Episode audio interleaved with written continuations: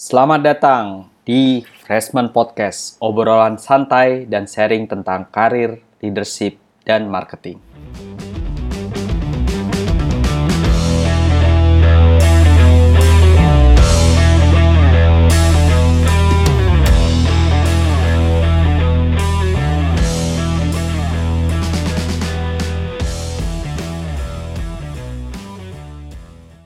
Oke, selamat malam semuanya. Uh, kita di sini ada topik yang menarik nih. Kita ada tamu, ada Petrus dari Talent Acquisition, juga ada Faren yang kemarin podcastnya lagi banyak diperbincangkan nih dengan After Five dengan kutu loncatnya nih. Kutu loncat yes or no gitu. Nah ini akan menjadi topik yang menarik sih buat saya karena banyak sekali hal yang bisa didiskusikan sih terutama soal kutu loncat yes or no ini yang sudah uh, apa namanya uh, didiskusikan di, di after five ya di podcastnya after five. Dan sebenarnya tujuan kita di sini itu kita cuma ingin melihat sebenarnya bagaimana sih kita itu bisa menjadi smart kutu loncat. Dan uh, tadi mungkin kita juga sudah ada guest speakernya ya, jadi kita lebih lengkap di sini. Itu kita ada Petrus Manik. Mungkin uh, Petrus bisa mengenalkan dirinya dulu. Halo, hai semua. Jadi um, saya Petrus Manik, uh, tapi bisa dipanggil dengan Peter. Saat ini saya bekerja sebagai talent acquisition lead di salah satu perusahaan multinational company. Thank you Petrus. Uh, uh, berikutnya nih yang uh, salah satu apa yang kemarin sempat diskusi soal kutu loncat yes or no dengan Faren. Nah, boleh diperkenalkan mungkin Faren? Halo, selamat malam. Uh, saya dengan Faren, uh, karyawan tersesat ya, masih tersesat. Iya, Tapi semua kita masih tersesat. Dengan, Oh iya ya, semoga dengan kita tersesat kita jadi lebih inilah ya punya insight untuk bisa bikin nggak tersesat lagi sih. Uh, currently aku juga masih apa namanya uh, uh, apa di FMCG juga salah satu beauty company personal care uh, sebagai trade marketing. Oke. Okay. Salam kenal.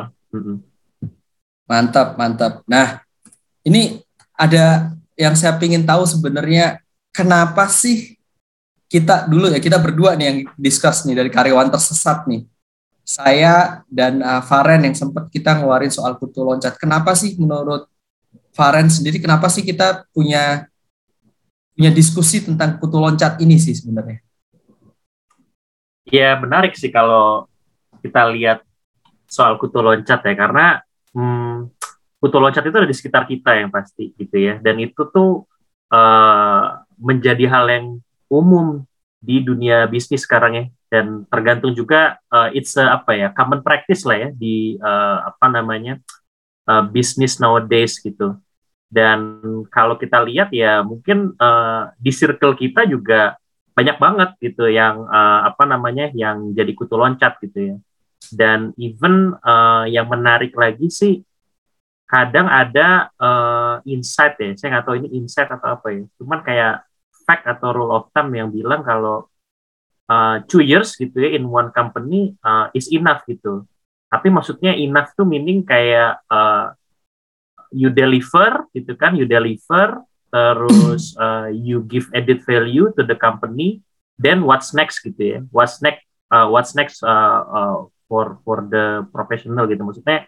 Apalagi nih next challenge-nya gitu kan ya? Dan itu sih uh, apa namanya sesuatu yang normal sih ya. Kalau aku bilang ya uh, apa namanya kalau orang itu uh, punya purpose karir uh, long termnya itu seperti apa gitu ya. After two years what's next? After two years what's next gitu ya. Dan okay. kalau aku lihat memang ini sih um, ya talent gitu ya. Talent ya should be loyal to the career objective ya. Jadi uh, apa namanya stay within the career objective, uh, define the purpose, define the objective gitu ya. Dia ngeplan uh, itu sih yang bisa dibilang uh, apa namanya uh, loncat ini juga bukan sesuatu yang apa ya yang yang negatif aja sih gitu sih karena kan kalau lihat kalau dengar satu kata tentang kutu loncat kan sounded uh, kurang oke okay gitu ya padahal enggak sebenarnya gitu kalau nowadays sih nah tapi sebenarnya saya tuh sering banget dikatain kutu loncat sih. Tapi saya yang, yang paling berkesan saya dikatain kutu loncat tuh sama bapak saya sih kalau saya boleh share ya. Jadi almarhum bapak saya dulu itu kalau saya setiap pulang ke Jogja waktu itu kan memang bapak saya pensiun di Jogja gitu. Kamu pindah lagi dasar kutu loncat. Itu itu itu saya selalu ingat banget tuh ayah saya selalu bilang gitu. Karena memang beliau itu uh, kerja di satu perusahaan ya. Dari mulai uh, pertama kali bekerja sampai pensiun itu di satu perusahaan. Nah ini yang kadang-kadang uh, menurut saya tapi saya sih ngerasa ya that's me gitu karena memang saya setuju dengan Faren. Ya saya memang uh, sangat loyal banget dengan karir objektif saya gitu. Nah saya ngerasa once the company cannot fulfill my career objective, then ya why why we are still having the relationship yeah. gitu gitu. Nah ada interesting ya. Begitu saya uh, kita keluarin podcast tentang kutu loncat ini, saya tuh ngadain poll di LinkedIn dan surprisingly ini masih berjalan ya pollnya mungkin masih bisa berubah cuman kalau saya melihat tendensinya trennya sekarang itu udah bilang 62% yes tuh kutu loncat gitu Nah, ada juga another insight yang menurut saya tuh saya sangat-sangat kaget sih. Menurut saya kan definisi foto loncat ya dua tahun lah, wajar lah ya pindah. Nah, tapi di startup industry itu less than one year tuh consider normal, bahkan bilang tiga bulan loh, belum selesai probation malah sudah keluar gitu. Dan itu menurut saya sih nggak normal ya, tapi ya nggak tahu, mungkin industrinya berbeda dan saya bukan di industri startup gitu mungkin saya ingin tahu sih dari uh, point of view-nya Peter mungkin sebagai talent acquisition dengan dengan uh, tren seperti ini tuh bagaimana ya menurut uh, talent acquisition. Jadi kita bisa nggak terlalu tersesat lah dapat dapat refreshment dari Peter gitu ya. Berat nih ya pembahasannya nih Pak ya. Jadi sebelum aku kasih komen nih, mungkin bisa dijelasin dulu kali ya uh, apa namanya versinya di Pak apa dan kriteria dari um, versinya talent acquisition ya of course pasti um, aku akan komen yang apa namanya perspektifnya juga dari sebuah perusahaan gitu ya karena as a part of talent acquisition mungkin bisa dibantu dulu Karen oke okay. kalau dari aku sih ya uh, apa namanya mungkin ada dua ya dua versi ya nanti mungkin uh, Pak Pratitis boleh nambahin ya kali ya Pak Pratitis ya karena kalau ngeliat kutu loncat itu ada kutu loncat yang giving the value added to the company ya what do I mean by uh, dia contribute gitu ya, dia deliver gitu ya. Nah ini kutu loncat yang positif gitu kalau menurut saya gitu. Artinya tadi dia memang orang-orang yang memang udah punya plan untuk karirnya dia, dia udah define purpose karir objektifnya dia gitu ya. Sehingga ketika uh. dia ada di company, dia deliver gitu ya dalam waktu dua tahun, dan dia expect more kan ya, expect more uh, apa what's next gitu uh, for me gitu ya apakah itu dalam bentuk challenge, role atau uh, movement ke cross function dan lain-lain. Jadi banyak banget lah caranya gitu. Jadi tapi at least dia itu punya objektif yang dia emang udah set itu dari awal. I want to become a senior manager at 40 years old gitu-gitu ya contohnya.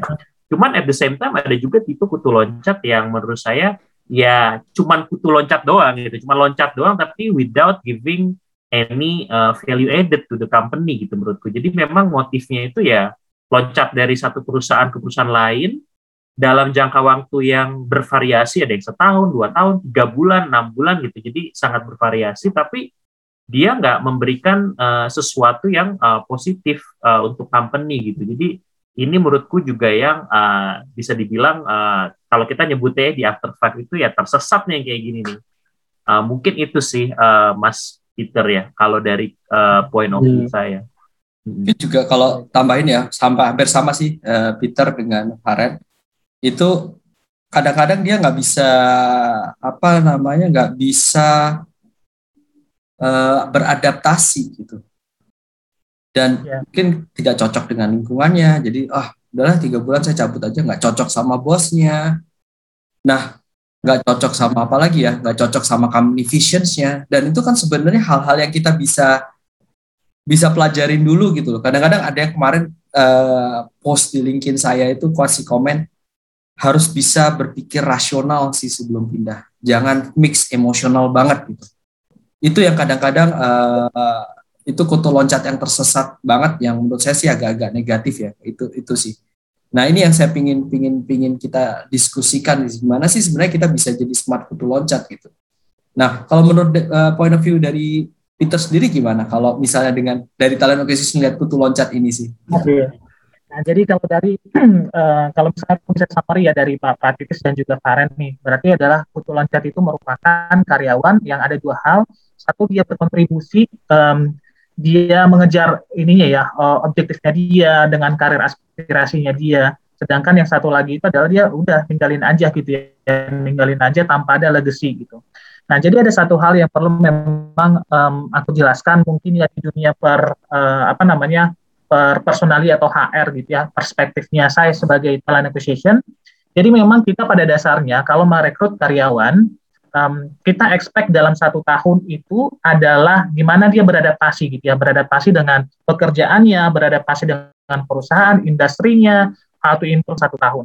Kemudian dalam satu tahun berikutnya itu adalah dia baru memberikan um, kontribusi sesuai dengan job job desk-nya dia, job role-nya dia gitu. Kontribusi secara signifikan yang tanpa ada mentoring ataupun misalnya dia sudah tahu workflow-nya, dia sudah tahu bekerja sendiri tanpa guidance dari yang lain. Cuma ada beberapa orang atau beberapa talent yang benar-benar super smart gitu ya, yang dia bisa melakukannya dua, dua tahun. Tapi kalau berbicara secara ideal, point of view the talent acquisition, three years itu sebenarnya adalah di mana dia bisa memberikan legacy ke sebuah perusahaan dengan menilai tadi satu tahun dia tiga bulan itu kan masa probation ya pak ya probation juga dia how to understand the organization gitu kan kemudian uh, bisnisnya seperti apa kenal dengan partner kerjanya bagaimana atau bisnis partner seperti apa gitu nah that's why sebenarnya secara idealnya uh, karyawan itu sudah bisa memberikan legacy itu di tiga tahun gitu jadi kalau misalnya um, smart kutu loncat yang kita bahas sekarang itu adalah tadi uh, Pak Pratiti sebut ada dua tahun, uh, berarti kita berbicara benar-benar talent yang benar-benar super smart sih gitu. Nah, jadi ini negatifnya kali Pak ya, Pak Pratitis. Yeah. Jadi yeah. kalau misalnya um, kalau kalau dari saya pribadi gitu ya, positif dari orang ataupun karyawan yang kutu loncat, of course dia punya uh, banyak perspektif karena dia sudah punya banyak experience ya. Misalnya dari industri A, industri B, industri C gitu. Di mana bisa memberikan company kita gitu.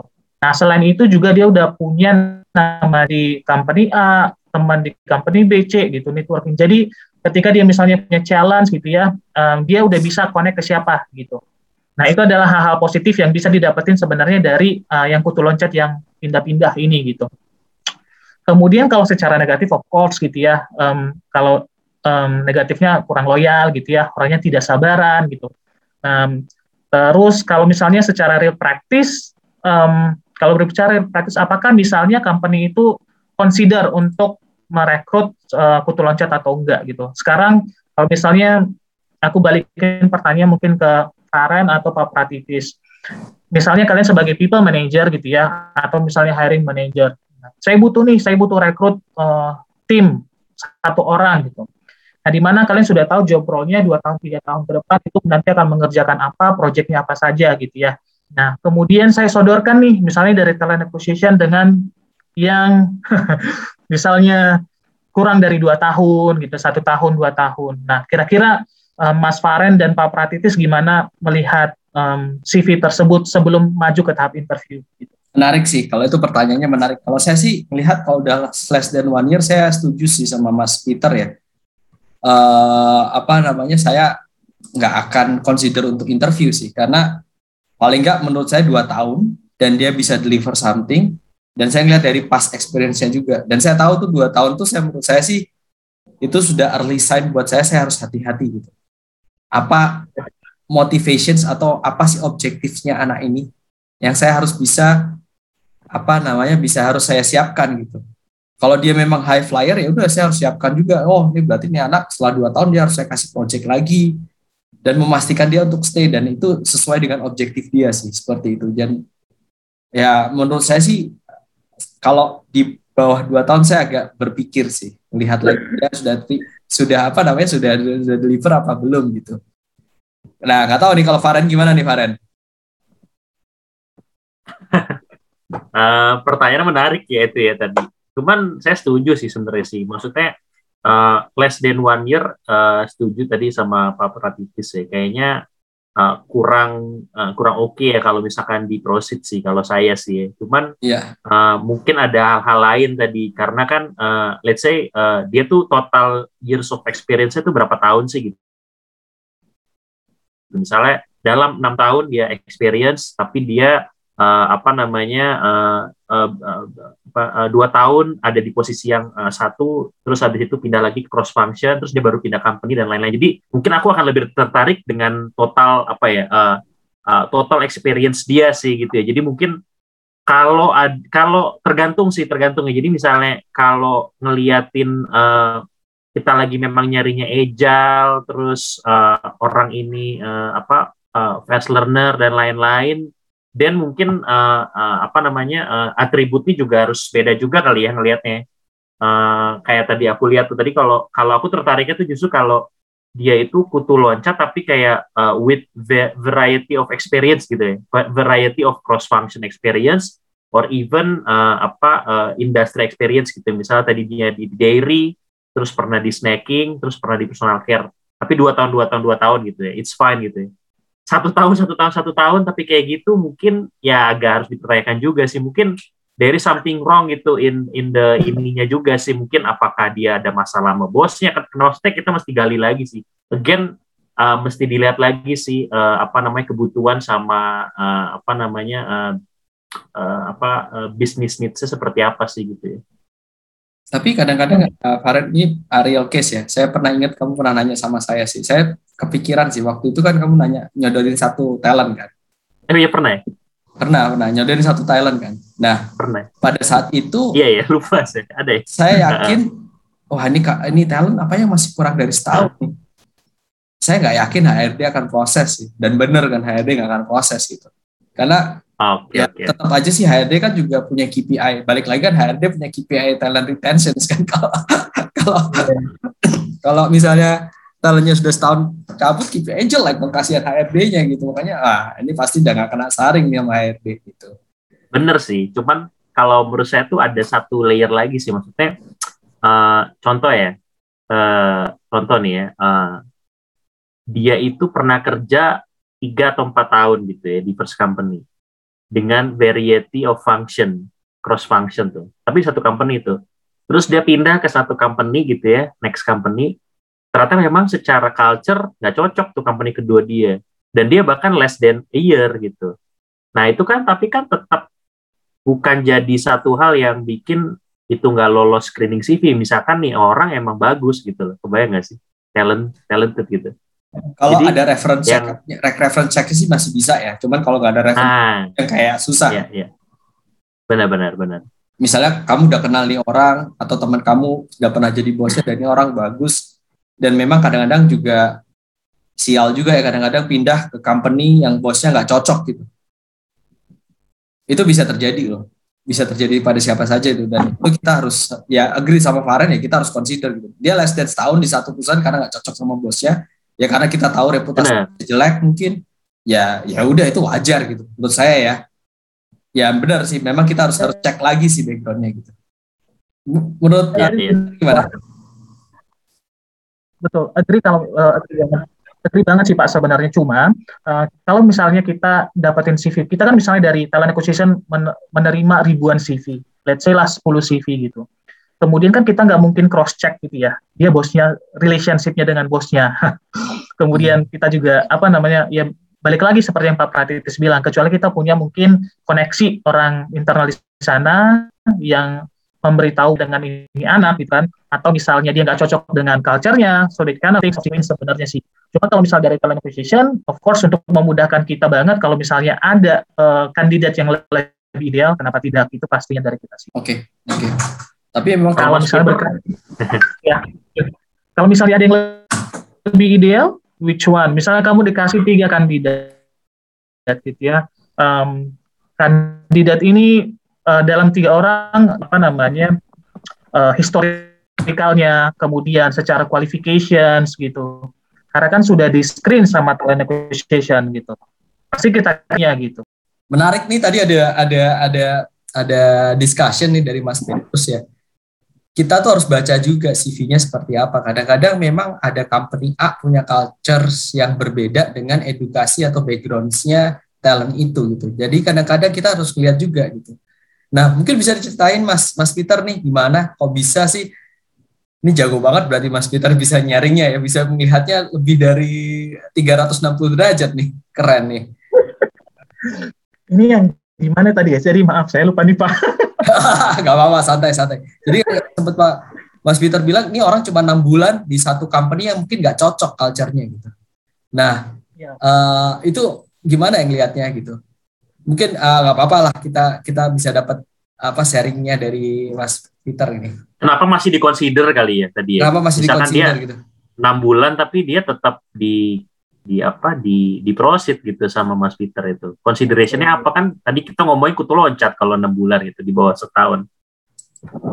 Ya kita consider kalau gue sih sebenarnya consider misalnya tiga tahun ya dia tiga tahun atau empat tahun dia um, di perusahaan yang pertama kemudian ternyata ini kandidatnya sudah join di company lain gitu ya ternyata cuma enam bulan gitu Nah, dan akhirnya dia pindah lagi ke company lain, udah berjalan dua tahun gitu. Ya. Terus kenapa saya masih proses gitu ya? Nah, jadi sebenarnya yang kita lihat pertama um, dia dari background education gitu ya. Ya biasanya background education yang um, biasa open minded atau misalnya dia dari datang uh, dari international schools gitu ya. Kemudian bekerja di multinational company dengan culture yang open minded gitu. Tiba-tiba pindah ke uh, culture yang um, apa namanya yang kurang atau misalnya on progress ke uh, open minded gitu. Ya kita itu masih make sense sih gitu ya. Ini Pak sorry banget nih kalau misalnya uh, aku bilang misalnya is lokal is it okay? It's okay. No no no. Nggak apa-apa sih. It's okay. Ya oke. Okay. jadi misalnya di tahun di contohnya di, mungkin kan lokal gitu. Nggak apa-apa gitu. Iya juga ada contohnya ya. yang bagus juga sih. Nggak masalah sih Gitu. Dari multinational company, kemudian dia ke local company. Mungkin secara culture gitu ya, uh, the way of workingnya beda. Biasanya kan kalau multinational company udah well established ya, udah punya proses dan sistem yang uh, sudah oke okay, yang berbasiskan global gitu. Jadi semuanya udah speednya atau misalnya sistem kerjanya udah udah ter, terjalin dengan baik gitu. Kemudian dia pindah ke local company yang sekarang masih uh, sistemnya masih on progress lah gitu ya yang akhirnya dia merasa ini ada penurunan gitu. Sehingga dia tidak bisa di sana dan cuma enam bulan. Dan akhirnya dia kembali ke mana dia kembali lagi ke multinational company.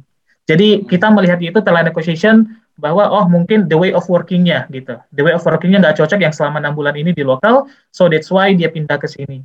Nah saya sebagai talent acquisition mungkin yang dari background apa namanya uh, yang multinational company of course it doesn't matter gitu ya Kecuali kalau misalnya saya bekerja talent acquisition di di lokal, pasti saya akan kejar karena balik lagi saya pengen dapat talent-talent bagus yang bisa mengimprove atau memberikan kontribusi lebih yang standarnya sama dengan multinasional gitu. Oke, okay, oke. Okay. Tapi benar sih Mas ini kita bukan apa ya, bukan stereotyping ya. Cuman uh, kalau saya sih melihat uh, ada beberapa uh, local company seperti itu, tapi juga ada juga yang bagus gitu. Jadi menurut saya sih tergantung company-nya juga. Uh, jadi banyak faktor, tapi kan memang rata-rata kalau multinational company itu kan mereka build culture-nya ya lebih open. Nah, hal-hal yang seperti itu wajar sih menurut saya. Tapi menarik sih yang sempat uh, Peter sampaikan. Ya, artinya ya kalau menurutku sih mau itu lokal atau multinational sih ya ini menurut pendapatku ya kali ya. Iya. Uh, uh, apa uh, tiap company pasti punya caranya masing-masing lah ya untuk yeah. bisa bisa bisa bisa bisa berbisnis gitu ya in terms of ways of working dan lain-lain dan juga pastinya mereka sendiri juga ya mendefine culture-nya gitu. Nah, somehow kan memang uh, benar gitu. Jadi uh, ada perbedaan culture, perbedaan value, ways of working tadi yang Mas Peter bilang uh, apa uh, uh, sistem collaborationsnya seperti apa dan lain-lain yang memang mungkin mungkin uh, nggak semua orang bisa uh, cocok gitu aja sih. Nggak semua orang bisa uh, bisa adapt gitu sama itu gitu ya. Dan yang yang gimana ya kalau misalnya mereka survive survive aja dan dibetah-betahin then fine gitu karena itu kan tergantung lagi balik lagi ke si orangnya. Cuman jangan sampai juga dengan adanya apa yang paling penting tuh ya jangan sampai dengan adanya kayak perbedaan culture, perbedaan sistem ways of working gitu ya, uh, value juga juga beda. itu yang justru malah uh, mendragging down our performance gitu. Ibaratnya tuh kayak oh. kita jadi nggak unleash gitu. Jadi nggak unleash as a talent ya kita nggak bisa mengeluarkan kemampuan terbaiknya kita. Then you need to decide gitu. You need to move sih menurutku itu sih dan harusnya ya uh, si talent tersebut ya harus bisa menyadari itu sih gitu ya. Karena kan dia yang paling tahu tentang dirinya, seberapa dia bisa stretch di situ, seberapa seberapa seberapa dia bisa berkembang di company tersebut gitu ya. Dan tadi balik lagi sih ke komennya Pak Pratitis yang di awal ya, I mean, I mean like uh, stay uh, with your career objective ketika company itu tidak bisa fulfill dari segi culture, dari segi sistem dan lain-lain, then uh, it's okay if you want to move gitu sih. Basically Tapi, sih kayak gitu mungkin. Ada satu lagi sih kalau sudah nggak nyaman bekerja sih sebaiknya pindah sih. Benar. Ya karena kalau itu sudah against your values, sudah against your your your your apa your thought itu ya sebaiknya pindah karena udah nggak nyaman ya juga nggak bagus juga buat company-nya gitu. Jadi ya fair aja sih kayak gitu. Yes. Nah benar. ini satu lagi yang saya pingin tanya sih dari Mas Peter ya kenapa sih masih consider untuk hiring kutu loncat sih? Tadi mungkin sudah di sudah sempat disampaikan sempat disampaikan sih, cuma saya ingin tahu aja sih. Apa sih masih masih butuh? Apakah karena bisnis pressure? Waduh, udah nggak ada orang lain. Ya udahlah dua satu setengah tahun nggak apa-apa lah saya tarik gitu. Enggak sih, sebenarnya ada dua hal ya. Kalau misalnya kenapa company still consider gitu ya kutu loncat ini, sebenarnya ada dua hal. Yang pertama itu mungkin company itu butuh yang fresh mind ya, ideas gitu. Karena memang oh, yang okay. loncat punya beberapa apa namanya perspektif tadi ya, yang dia hmm. experience-nya di beberapa company gitu. Kemudian yang kedua, ini um, secara technical skills ini role atau posisi ini very rare in the market gitu. Oke. Okay. Nah, contohnya kalau zaman-zaman sekarang nih Pak ya, apalagi masa pandemik gitu ya, Wis, pasti semua bisnisnya sudah hot job, hot job. uh, semuanya pasti ke uh, e-commerce gitu kan. Yeah, nah, yeah, jadi yeah. kalau misalnya dulu itu posisi-posisi e-commerce itu is not common gitu. Tapi karena pandemi sekarang mau tidak mau kita harus uh, beradaptasi dan kita uh, yang tadinya misalnya kontribusinya cuma berapa persen, sekarang itu yang digedein karena pandemik kayak gitu. Dan of course kalau misalnya dilihat di market talent-talent ini masih very rare banget kayak gitu. Nah, that's why oh, okay. uh, apa namanya uh, dengan pengalaman yang minim cuma beberapa tahun kita juga uh, sudah apa namanya sudah nge-hire gitu ya, sudah proses. Karena dulu ya, uh, gue punya uh, pengalaman nih Pak Pratitis, gue yes. pernah bikin survei dulu ya. Survei. Jadi uh, in my previous company dulu itu kita pernah bikin survei atau ngecek lah di, di market gitu kan, yang yang sebenarnya posisi-posisi commerce ini berapa lama? Tadi Bapak bilang itu satu kurang dari satu tahun itu common di di apa namanya uh, di startup. Di startup. Ya, that's true. Ya, itu benar. Itu benar sekali gitu. Karena kalau di sana di start karena mereka belum ada saat itu ya, belum ada sistem yang misalnya kita kayak FMCG lah. Mereka setelah satu tahun atau dua tahun, mereka udah dua tahun pengalaman, mereka udah managerial level pak. Ya. Gitu. Setuju. Kalau misalnya compare dengan compare dengan um, the number one FMCG gitu ya, itu ya. untuk managerial level aja ngantri sampai 25 tahun gitu. I know ya kan? what you mean. Ya, jadi so that's why gitu kan. Kenapa kita consider kutu loncat? Ya balik lagi tadi ada yang karena experience-nya dia, kemudian yang kedua itu adalah uh, karena very rare in the market untuk posisi itu sendiri. Gitu. Oke, okay. tapi ada ada ada alasan karena melihat talentnya ini yang dia sering pindah-pindah, dia punya agility nggak? Nah, um, kalau dilihat dari misalnya dari startup company Pak ya, dan juga dia pernah pindah ke misalnya ke uh, eh, FMCG gitu ya, berarti dia sudah agile. Agile-nya oh, di mana? Okay. Dari startup yang belum punya sistem, tiba-tiba bisa beradaptasi yang punya sistem, dan dia memberikan kontribusi of course di situ. Oh, Oke. Okay. Gitu. Okay. Nah, uh, balik lagi kan masih ada resiko kan, resiko untuk apa recruiting. Uh, kutu loncat ini? Right kriterianya buat recruiting apa ya, Mas Peter? Oke, kalau kriterianya of course ya, kalau kita sebagai talent acquisition pasti mencari yang ideal.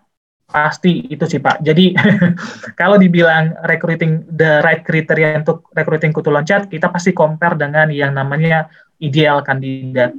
Pasti the best kandidat gitu karena kita ngeliat quality of hire-nya juga nanti in the future gitu ya. Nah, jadi the right kriteria ya balik lagi kita define dulu Pak berapa tahun gitu ya. Kayak misalnya dua tahun atau 2 sampai tiga tahun itu masih ya kita bisa masukin ke ideal lah gitu. Kalau misalnya kurang dari dua tahun, kalau misalnya kita punya uh, referensi cek gitu ya.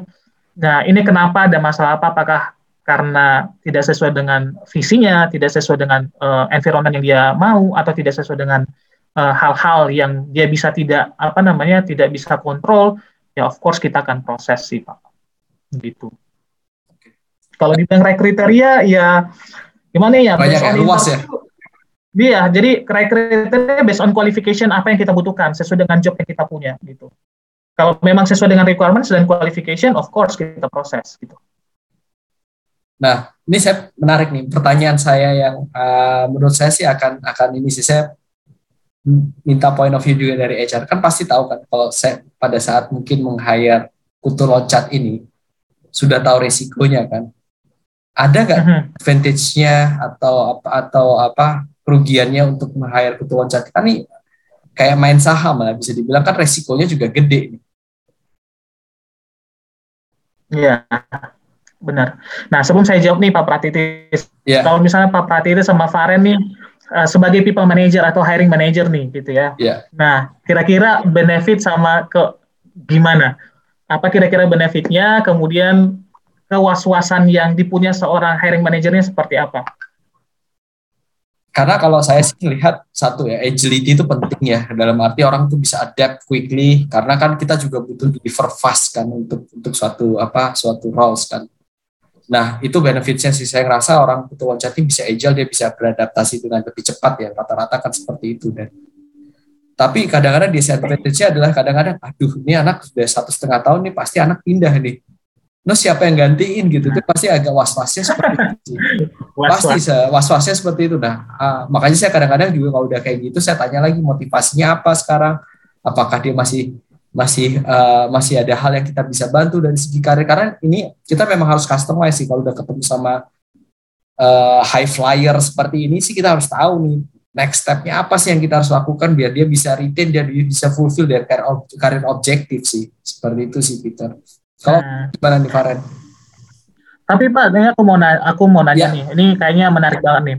Nah, ya. misalkan Pak Pratitis misalnya sudah tahu nih, misalnya high flyer satu setengah tahun dia mau ke mana. Nah, tapi kan ya. dengan posisinya Pak Pratitis sebagai people manager atau misalnya hiring manager, udah tahu nih kondisi perusahaan seperti apa gitu ya. Hmm. Misalnya ada possibility ataupun tidak ada possibility. Nah, Bapak sebagai people manager gitu ya, sebagai hmm. hiring manager apa yang akan Bapak lakukan?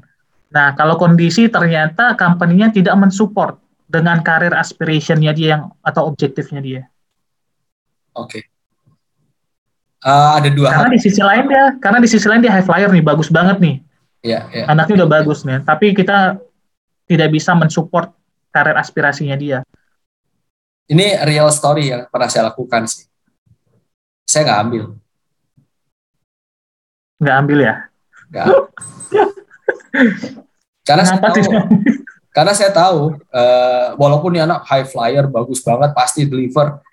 Cuman kalau udah enam bulan, sedangkan saya, misi saya adalah saya perlu nge-build ini lebih dari dua tahun gitu, atau lebih dari tiga tahun. Gitu. Dan kalau cuma enam bulan aja dan saya harus cari lagi buat apa? Mending saya, ah saya udah tahu nih, ya cuman paling cuma enam bulan, delapan bulan doang di sini karena saya tahu dia high flyer, bukan salah dia ya, tapi bukan salah talentnya. Yeah. Saya tahu nggak cocok nih jadi jangan dipaksain juga sih. Gitu. Kalau saya sih seperti itu. Dan ini real story. Yang tapi ya, tapi kalau misalnya seperti Bapak bilang tadi kan dia agile gitu ya. Uh. Nah, dia agile. Yang misalnya ini projectnya dua tahun. Is there any possibility mungkin karena ke agile, agile dan dia high flyer gitu ya, bisa membuat itu menjadi lebih cepat mungkin?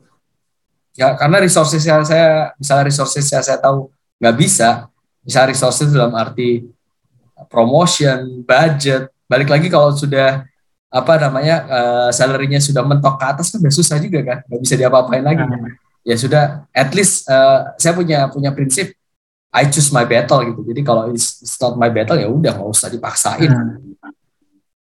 Belum jodoh lah misalnya bisa bisa dibilang gitu. Ya. Jadi benar ya kalau misalnya ternyata satu tahun kalau misalnya tadi Papa bilang bahwa dua tahun nih proyeknya ini akan dilakukan gitu kan. Nah, uh. jadi kayak misalnya pengalamannya cuma di bawah dua tahun, jadi it's not ideal sebenarnya untuk di hire karena mengingat se, maksudnya se high flyer apa pun gitu ya atau um, se agile apa pun tapi balik lagi karena ada kewaswasan dan kita tahu bahwa di perusahaan itu uh, sudah memproyekkan ya ada proyeksi menyelesaikan satu proyek ini dua tahun atau tiga tahun. Sehingga kita merelakan meskipun kita tahu dia pintar gitu ya tapi akhirnya kita memutuskan untuk tidak tidak mengambil. Berarti itu lain ya pak ya? Lain lain banget. Karena balik lagi sih satu mungkin ya kayak misalnya kita tahu uh, makanya nanti juga uh, smart kutu loncat ini akan kita bahas lebih detail sih mas. Karena kadang-kadang kita juga harus lihat nih company itu strukturnya seperti apa sih?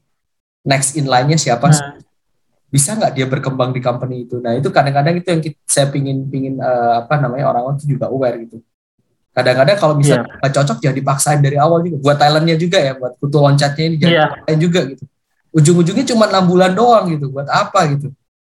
Itu buang waktu buang waktunya dia mending cari yang benar-benar kita tahu sustain. Walaupun itu memang harus sabar sih. Mungkin balik lagi ya butuh kesabaran sih tapi mungkin kadang orang juga nggak sabar. Nah itu yang kita mau mau discuss lebih lanjut gitu Mungkin Farhan mungkin ini butuh ini ya. mungkin ada tambahan edukasi sih Pak Pratitis ya. Jadi mungkin buat teman-teman di luar sana gitu ya yang ya. pengen uh, apa namanya sebagai kutu loncat uh, untuk memperindah atau membeautify uh, historicalnya dia gitu. Jadi alangkah ya. baiknya dia harus cek dulu sebenarnya company yang mau dia tuju itu gitu ya. In terms Banyak. of uh, apa namanya bukan hanya benefit saja gitu ya, tapi ya. uh, visinya gitu ya, kemudian sistem ya. seperti apa biar nantinya nggak menyesal lah gitu sesuai dengan jalannya dia atau karakter aspirasinya dia